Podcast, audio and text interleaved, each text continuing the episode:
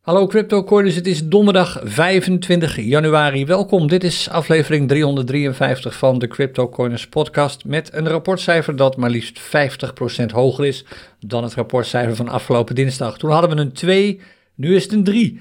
En het is een heel voorzichtig signaal, het is ook niet meer dan dat op het ogenblik, dat de Bitcoinprijs langzaam weer lijkt op te krabbelen. En dat signaal wordt min of meer bevestigd door de charts, daar gaan we zo meteen naar kijken. Maar met name altcoins hebben nog wel een lange weg te gaan hoor. Die trends die worden er zeker niet beter op. Gaan we zo meteen allemaal zien als we de charts erbij pakken en de CryptoCoins scannen voor de trends en zo. Dat komt allemaal straks. Even kort samenvatten wat we sinds dinsdag hebben meegemaakt. Allereerst hebben we gisteravond live gehandeld in het Crypto Corners Café. Ik heb uh, drie trades gedaan volgens mij. Alle drie winsttrades en heel, heel, heel veel vragen beantwoord. Het was super druk en super gezellig. Als je er ook bij was, nogmaals, bedankt voor je aanwezigheid. Bedankt voor alle vragen en opmerkingen die zo worden gepost in onze chat. Dat uh, maakt het ontzettend leuk en dynamisch om in het Crypto Corners Café te zijn. Elke woensdagavond om half acht. Heb je gisteravond gemist de bijeenkomst en wil je hem helemaal terugkijken? Dat kan nog uh, www.cryptocorners.nl slash café. Maar je kunt ook wachten op de highlights. Die komen waarschijnlijk vandaag in de loop van de dag beschikbaar op ons uh, YouTube kanaal.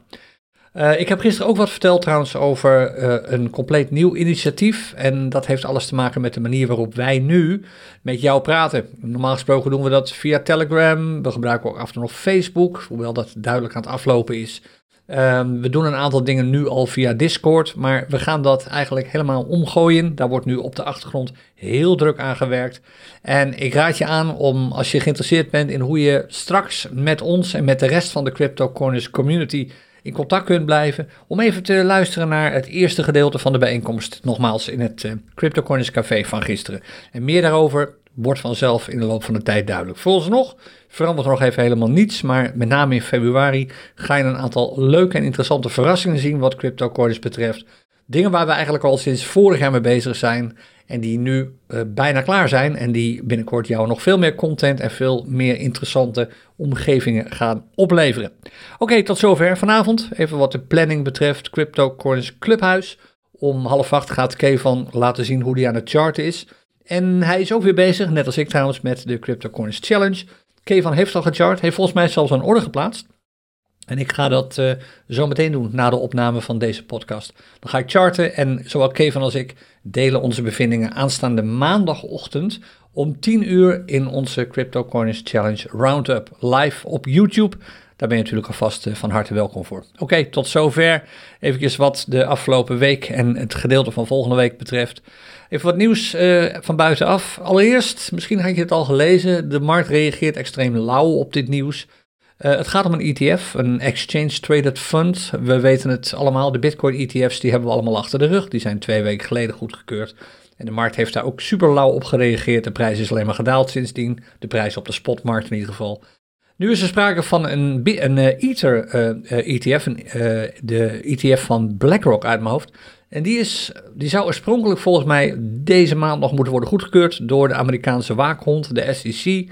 Maar de SEC die houdt zich nooit aan deadlines. Die deadlines zijn om te worden overschreden, zegt de ECC. En ze vinden niet dat ze ook maar iemand daarover verantwoording hoeven af te leggen. En de Bitcoin of de Ether ETF-uitspraak is uitgesteld naar maart. Sowieso naar maart.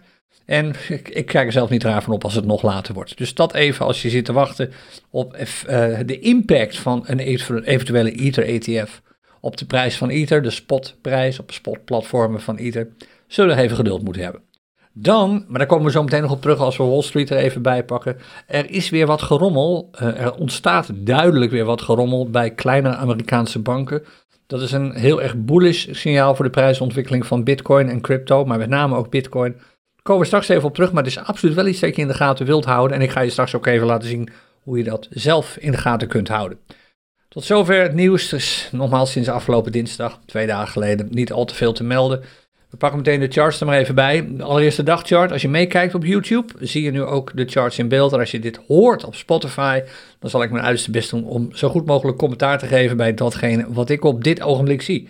Het eerste wat ik zie is dat we afgelopen dinsdag, en dat gebeurde na de podcastaflevering van dinsdagochtend, een, nieuwe, een nieuw dal hebben bereikt, een nieuwe trough. En die trough die ligt op 38.505 dollar, het laagste punt. En dat ligt angstwekkend dicht bij de 38.000 zone waar we het al een tijdje over hebben. 38.000 plus of min 200 dollar. Nou, daar zitten we 300 dollar vandaan, of zijn we er vandaan gebleven, want het lijkt erop dat we nu weer op weg gaan naar een nieuwe piek. En die nieuwe trough is lager dan de vorige. Dat is een bevestiging van wat we eigenlijk al wisten. De dagchart van Bitcoin is op dit ogenblik bearish, oftewel de trend gaat naar beneden. En de prijs volgt de trend. Je weet het, sinds uh, twee weken geleden is de prijs gedaald van 49.000 dollar. Dat was het absolute hoogtepunt twee weken terug. Naar inmiddels dus zelfs even 38.500 dollar. Dat is bijna 11.000 dollar eraf.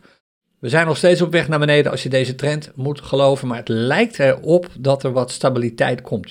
Je, kunt dat op een paar manieren zien. Allereerst, als je de dagchart erbij pakt en je kijkt mee, je kijkt naar de candle van afgelopen maandag, dat was een lange body. Er was nauwelijks een wick aan de boven- of aan de onderkant te zien.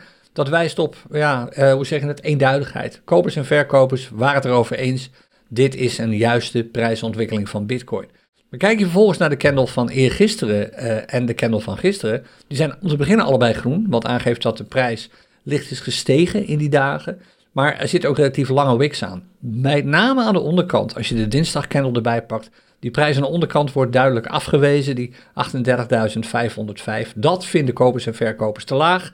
Oftewel, het lijkt erop dat de bodem is bereikt en dat we nu even in de periode terecht beginnen te komen van stabiliteit.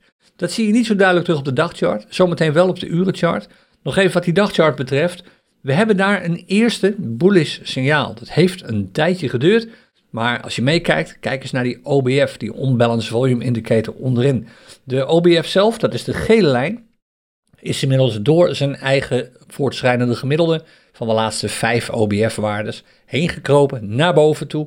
En dat is een bullish signaal. En het is een signaal dat vaak in de toekomst kijkt het heeft een licht voorspellende waarde. En over het algemeen is het zo, kijk de charts er zelf maar eens op na, dat als de OBF bullish wordt, wat hij hier dus is geworden, eigenlijk eergisteren al, dat de prijs snel volgt en de trend ook. Dus als de OBF deze keer ook weer doet, wat we ervan verwachten, kun je rekenen op stijgende prijzen. In ieder geval niet meer op dalende prijzen op dit ogenblik. En ook, ik zei het net al, de urenchart geeft min of meer aan dat het sowieso wat stabieler is geworden. Er zit sterke support, sterke vloer in die 38.000 zone. Dat blijkt nu wel. De prijs is in de buurt gekomen, maar net niet in die zone. Maar er zit gewoon een sterke vloer. Er blijkt veel koopkracht te zitten op dit niveau. Uh, er is ook een behoorlijke outflow gaande op dit ogenblik van Bitcoin van spothandelsplatformen. Dat is al wat goed tekenen. Dat betekent dat mensen hun Bitcoin vasthouden. Lijkt erop dat we de dal even hebben bereikt. Maar is dat ook zo als we naar de urenchart gaan? Nog even vlak daarvoor. Waar kijk ik naar als we die dagchart erbij houden? Mensen vragen altijd, waar let je nou op op dit ogenblik? Nou, het allerbelangrijkste nu voor mij, omdat we in feite op weg zijn naar een nieuwe piek, is dat we nog een paar groene candles gaan zien. En dat we de vorige piek, en dat is de piek van ruim een week geleden, 16 januari, dat we daar doorheen gaan. Dat is de piek van 43.566 dollar. Daar zitten we dus nu zo'n 400 dollar, 3, uh, eh, sorry, 3.500 dollar vandaan. Op het moment dat ik dit opneem, het is nu 5 over half 12, staat de bitcoinprijs op 40.000 dollar. 3.500 dollar hoger ligt de piek. Als we daar doorheen breken, dan is er in ieder geval, uh, zijn we nog steeds niet bullish op deze dagchart, maar hebben we een duidelijk bullish signaal. En dat is wat we absoluut nodig hebben. We willen een eerste bullish signaal zien, een hogere piek. En daarna hopelijk een hoger dal. En dan kunnen we zeggen, zo, de dagchart van Bitcoin is weer bullish. Voor de rest is er op dit ogenblik niet al te veel om echt serieus op te letten. Ja, die OBF die wil je een beetje in de gaten houden, maar ik focus nu met name op die piek van 43.566. Breken we daar wel of niet eh, doorheen? Oké, dan die urenchart. Hoe zit het met die Bitcoin urenchart? Nou, hij is bullish, maar niet al te overtuigend. Sterker nog, als je zou zeggen dat hij voor jou eerder bearish is, ja, heb je eigenlijk ook een punt als je heel erg inzoomt. Maar als je iets meer uitzoomt, dan zou je het volgende kunnen concluderen. We hebben een trough gehad, het laagste dal, een extreme low zou je dat kunnen noemen, van 38.505 dollar. Dat is ook de low die we net op die dagchart zagen, dat, dat nieuwe dal. Uh, daarna is de prijs niet meer uh, ondergekomen, is de prijs gestegen met steeds higher highs, higher lows, oftewel hogere pieken, hogere dalen. En nu zie je min of meer een pas op de plaats. Min of meer een zijwaartse beweging. Een beetje fantasie zou je zelfs een driehoek kunnen trekken. Dat gaan we hier maar even niet doen. Maar er is met een beetje fantasie een, driehoek te zien. waarbij blijkt dat er wat compressie optreedt. De prijs beweegt even niet meer zo heel veel. Er is ook wat weinig volatiliteit nu. Dat zie je trouwens bij meer assets hoor, ook bij andere dingen dan Bitcoin. Bij goud zien we het volgens mij nu ook. Dat gaan we zo meteen al even zien als we de goudchart erbij pakken. Maar wat die Bitcoin-prijs betreft, hij is zeg maar bullish, maar niet al te overtuigend. Er is gewoon te weinig volatiliteit en er is te weinig momentum. Er wordt gewoon te weinig op het gaspedaal getrapt. Er is niet zo heel veel volume. Het volume is eigenlijk weer afgenomen de afgelopen 18 uur. Dus even een piekje geweest, maar het loopt nu weer zwaar terug. Het is gewoon echt laag. En je ziet dat ook aan die OBV-indicator onderin. De OBV zelf loopt gewoon parallel en gelijk aan zijn eigen voortschrijdend gemiddelde. Dat betekent dat er eigenlijk gewoon geen beweging is. Soms komt er wat volume bij bij een stijgende prijs, dan gaat er weer wat volume af bij een dalende prijs. Het beweegt gewoon niet. En die volatiliteit, die heb je absoluut nodig. Wat we eigenlijk willen zien, is nog wat kleine prijsstijgingen van Bitcoin. Het hoeft niet zo heel veel te zijn, maar op de urenchart zou het mooi zijn als hier een signaal zichtbaar wordt dat we echt bullish zijn. En dat worden we als de prijs van Bitcoin naar de 40.200 dollar gaat of zo. Dan zie je dat die lijnen wat uit elkaar gaan lopen. De wat lang, uh, zeg maar wat trager, omdat hij wat langer loopt. Hij heeft wat meer intervallen. De wat tragere MA50, die oranje lijn als je meekijkt. En die wat snellere MA20 die daarboven loopt. Kijk, technisch gezien klopt alles al. Hè. De prijs staat nu boven de MA20. De MA20 staat boven de MA50. Dat is bullish. Maar het is allemaal wat te krap. Je wilt die prijs gewoon wat verder erboven zien. Anders kan dit zo weer omkeren. Kijk naar het signaal wat we eerder hebben gezien. Uh, gisterochtend zag je dat voor de eerste keer de prijs kropen wat boven. Daarna heeft het even geduurd voordat de prijs, of de MA20 door die MA50 heen brak. Dat was pas gistermiddag om drie uur. En daarna is de prijs niet veel gestegen, stel weer even eronder gedoken, waardoor die lijnen gewoon, die MA20 en die MA50, te dicht bij elkaar liggen en horizontaal lopen. Dat is eigenlijk het, het beste signaal dat aangeeft dat er geen signaal is. Er is geen momentum. Als de MA20 en de MA50 allebei min of meer horizontaal lopen, weet je gewoon, er is geen prijsontwikkeling. En dat wil je wel zien. Dus een iets hogere prijs is al genoeg om die MA20 omhoog te drukken. En dan zou je kunnen zeggen, hey, nu beginnen we langzaam maar zeker echt bullish te worden op de urenchart. En dan is het een kwestie van tijd voordat ook de dagchart omkeert. Er is een eerste voorzichtig signaal op die dagchart. Dat was die OBV-indicator. Voor de rest is er eigenlijk nog geen signaal te zien. Die twee groene candles van gisteren en eergisteren, ja, die ene groene candle zorgt voor één rapportcijferpuntje erbij, maar dat is het ook. Dit is nu die 1 uren chart is nu de chart waar het echte signaal vandaan moet komen. Dus een paar honderd dollar erbij, structureel, een paar candles op rij. Dan zou je kunnen zeggen, ah oké, nu zijn we echt op de goede weg. Maar stabieler is het allemaal duidelijk wel geworden. Het is in ieder geval niet meer zo'n uh, enorme teneergang als we de afgelopen, of neergang heet dat, als we de afgelopen week min of meer hebben gezien. Dus dat is goed nieuws. Voor de rest, uh, laten we zo zeggen, is niet zo slecht nieuws. Voor de rest hopen dat de prijs wat in beweging komt. Het liefst naar boven natuurlijk. Geldt ook een beetje voor goud. Ik heb de wat uh, gefreubelde driehoek die ik eh, vorige week nog had getekend en dinsdag maar even weggehaald en vervangen door een serieuzere driehoek. Namelijk echte lijnen, een trendlijn aan de onderkant en een trendlijn aan de bovenkant. Waarbij, zeg ik eerlijk bij, de trendlijn aan de bovenkant wat sterker is. Die raakt op een aantal punten die wat evenwichtig verdeeld zijn. Dat geldt voor de lijn aan de onderkant niet helemaal. Maar wat je ziet, het gaat niet eens zozeer om die trendlijnen. Je kijkt naar die driehoek. En als je die driehoek ziet, dan zie je dat de, hier ziet heel duidelijk dat de volatiliteit al een paar weken lang aan het afnemen is. Het verschil tussen de hoogste prijs en de laagste prijs van goud wordt steeds kleiner. En op dit ogenblik is de bandbreedte super laag. En je weet het, als de bandbreedte klein wordt, er zit nauwelijks meer beweging in zo'n prijs van dag tot dag, is het een kwestie van tijd voordat de prijs uitbreekt. En dat geldt ook voor goud. Volatiliteit neemt af. Wat is dan de goudtrend op dit ogenblik? Technisch gezien, het, ja, het is lastig om dit echt te beoordelen als je naar zo weinig candles kijkt. Technisch gezien is deze chart bearish. Kijk maar, je ziet lagere pieken en lagere dalen. De tijd daarvoor, vanaf oktober vorig jaar, hebben we eigenlijk tot, wat was het, uh, december vorig jaar, hebben we een bullish trend gezien. Nu keert het om. Je zou kunnen zeggen, oké, het zijn wel heel weinig candles. Om nu echt te concluderen dat het bearish is. Je moet wel behoorlijk inzoomen om dat uh, te zien. Wat je kunt doen is de MA20 er even bij pakken en dan zie je dat de prijs onder zit. Nu al een aantal dagen lang. Dit is vorige week begonnen, vorige week dinsdag. En hij is niet meer boven die MA20 gesloten. De MA20 daalt nu ook. Ik weet niet wat de MA50 doet. Die zal er, even kijken waar die is. Ja, die, ik wil zeggen, die zal er nog wel onder staan. Dus er is nog geen dubbele bevestiging uh, van het feit dat de goudtrend nu bullish is, maar het ziet er zeker niet bearish uit. Oh, sorry, andersom. Het is geen dubbele bevestiging dat de goudprijs nu bearish begint te lopen, maar het ziet er zeker niet bullish uit.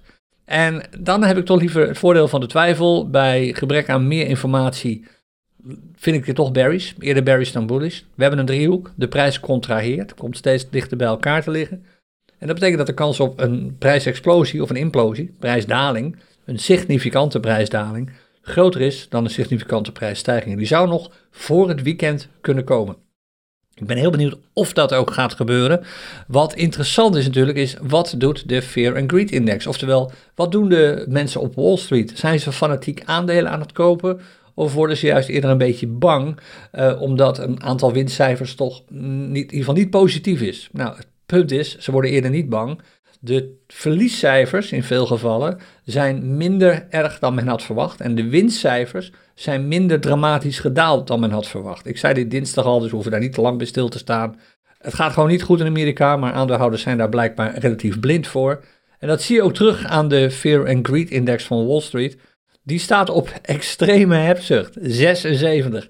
Dit verwacht je normaal gesproken dergelijke waarden in tijden van hoogconjunctuur. Oftewel, de economie bloeit als nooit tevoren. Nou, ik weet niet hoe het met jou gaat, maar als ik naar de prijsontwikkelingen kijk, als ik naar de banencijfers kijk, als ik naar de inflatiecijfers kijk, dan heb ik nou niet zoiets dat ik denk van, wow, we zitten echt in een hoogconjunctuur, alles gaat fantastisch op dit ogenblik.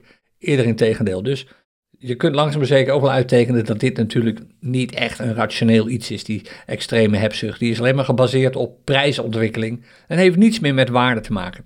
En wat ik al eerder zei, volgens mij begin deze maand, blijf ik herhalen, uh, dit duurt niet lang.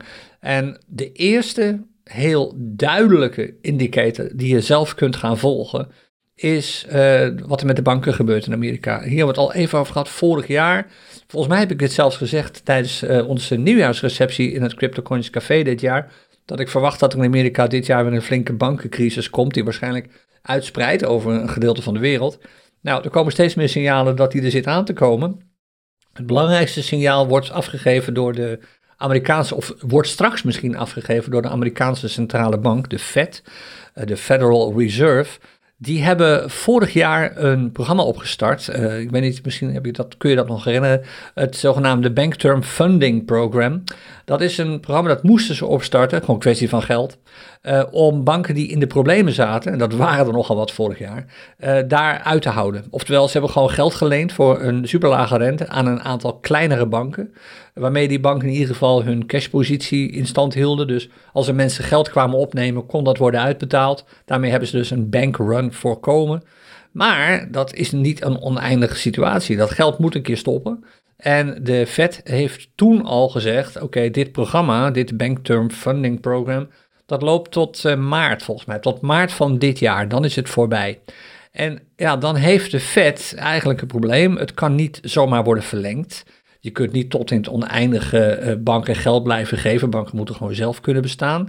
Nogmaals, het gaat niet over centrale banken, maar over commerciële banken. Het gaat ook over de kleinere, de regionale banken, zoals ze daar worden genoemd.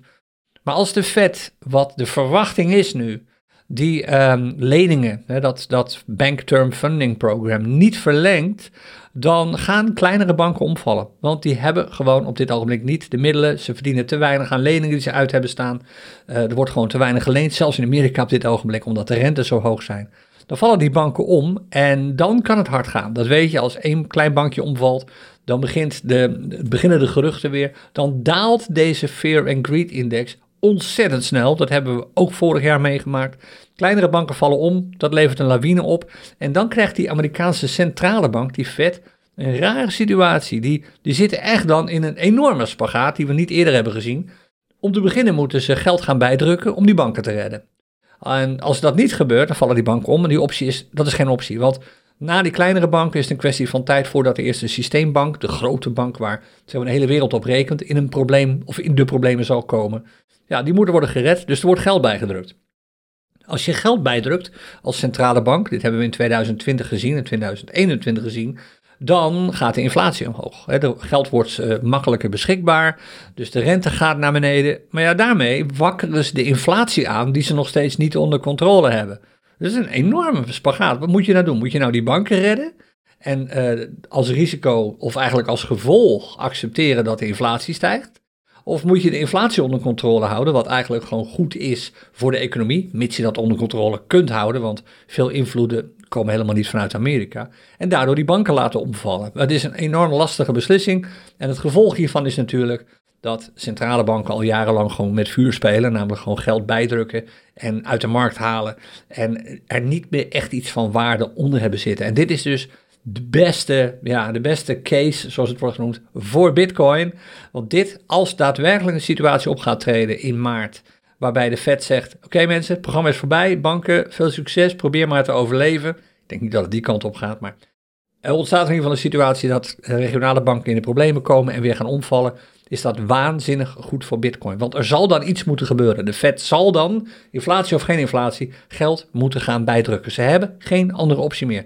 En dat betekent dat geld weer, geld weer um, uh, beschikbaarder wordt dan het nu is. De schaarste houdt gedeeltelijk op. Het is een fenomeen dat wordt ook wel kwantitatieve versoepeling genoemd. En dat is goed voor de prijs van Bitcoin. Altijd al geweest. Komt nog bij dat in april komend, dit jaar.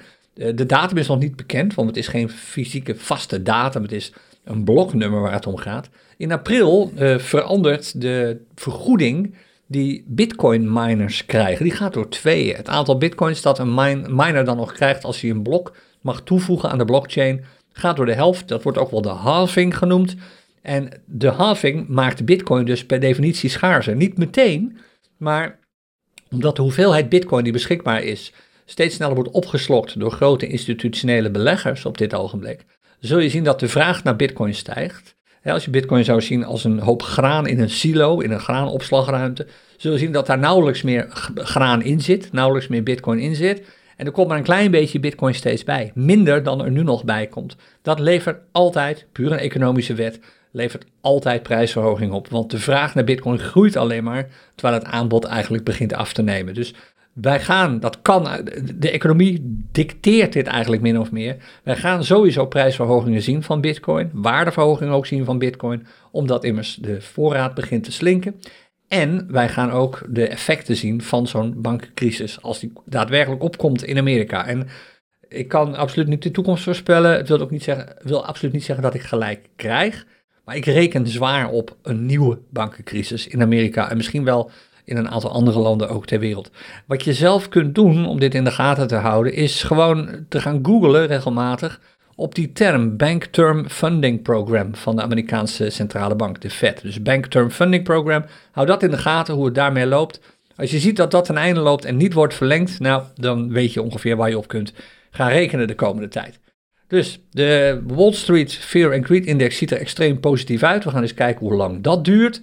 Hoe zit het dan met de cryptomarkt op dit ogenblik? Minder prettig. Het is, als je kijkt naar de heatmap, we doen dat tegenwoordig in de vorm van crypto bubbles, dan zie je meer rood dan groen. En wat groen is, is in sommige gevallen wel extreem groen, maar er zijn ook een paar extreem rode dingen bij.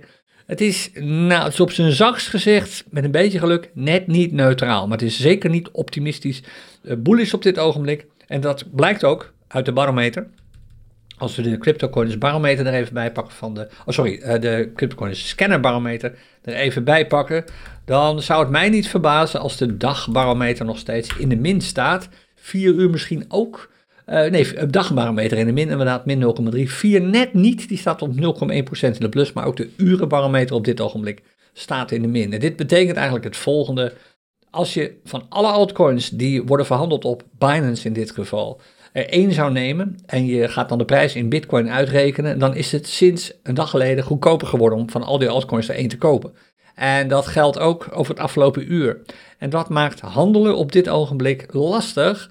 Uh, als je de standaard cryptocurrency trading strategie gebruikt, zeg maar de makkelijkste strategie als je nog niet zoveel ervaring hebt met trading, dan wil je op dit ogenblik gewoon niks doen. Niet traden. Het heeft geen zin om nu in trades te stappen, want gemiddeld gezien daalt de prijs. En bij de standaard cryptocurrency day trading strategie kijk je niet zozeer naar trends, je kijkt naar prijsontwikkeling. En daar wil je dus op dit ogenblik niet de slachtoffer van worden. Wat heeft er nou voor zin om iets te kopen, terwijl je het met winst wil verkopen, als de prijs eigenlijk aan het dalen is, structureel gezien? Even rustig afwachten tot minimaal die verandering van het afgelopen uur positief is en die van de afgelopen vier uur. Dat die dagverandering dan nog negatief is, kun je misschien voor lief nemen. Prettig is het niet, maar nu instappen is eigenlijk zonder meer vragen om problemen. Hoe zit het dan als je gebruik maakt van de cryptocurrency day trading strategie 2.0, oftewel de vernieuwde strategie die wel naar trends kijkt. Die kijkt ook nog steeds naar dezelfde instapmogelijkheden als de oorspronkelijke strategie, namelijk oversold en overbought, maar kijkt ook naar de generieke trends van een specifieke muntpaar. En dan zie je dat het er niet zo heel goed uitziet. Er zijn 50, de, de gemiddelde markttrend is 50%. En dit wil niet zeggen dat de helft van de munten bearish is of zo. Nee, het betekent eigenlijk iets anders. Het betekent dat, om te beginnen, er meer bearish munten zijn dan bullish munten. Dat zie je hier al als je de top 10 erbij pakt. Als je naar de tiende plaats kijkt van bullish munten, dan krijg je een munt met een marktscenario van 78% bullish. Oftewel, daar zijn absoluut bearish charts te vinden. Kijk, hoe langer een chart duurt, een dagchart, des te, is, duurt langer dan een minutenchart bijvoorbeeld. Hoe langer zo'n chart duurt, des te zwaarder die meeweegt. Dus een bearish dagchart heeft meer impact dan een bearish, een bearish minutenchart natuurlijk. Maar de meest bullish uh, chart die hierbij staat, of het meest bullish marktpaar, is maar 78% bullish. Dus de wat langere charts, waarschijnlijk de 12, minuten, 12 uren chart en misschien ook de 4 en 8 uren chart, die zijn bearish. En als je, dat, dat maakt deze chart niet echt heel overtuigend. Als je vergelijkt met de top 10 van bearish charts, de nummer 10 uh, is voor bijna 100% bearish. Daar zit nauwelijks meer een bullish chart tussen, misschien de minutenchart nog net. En dat laat zien dat de druk op dit ogenblik duidelijk aan de bearish kant ligt. En wat betekent dat nou voor jou als trader? Je hebt dat gisteren gezien in het Crypto Corners Café.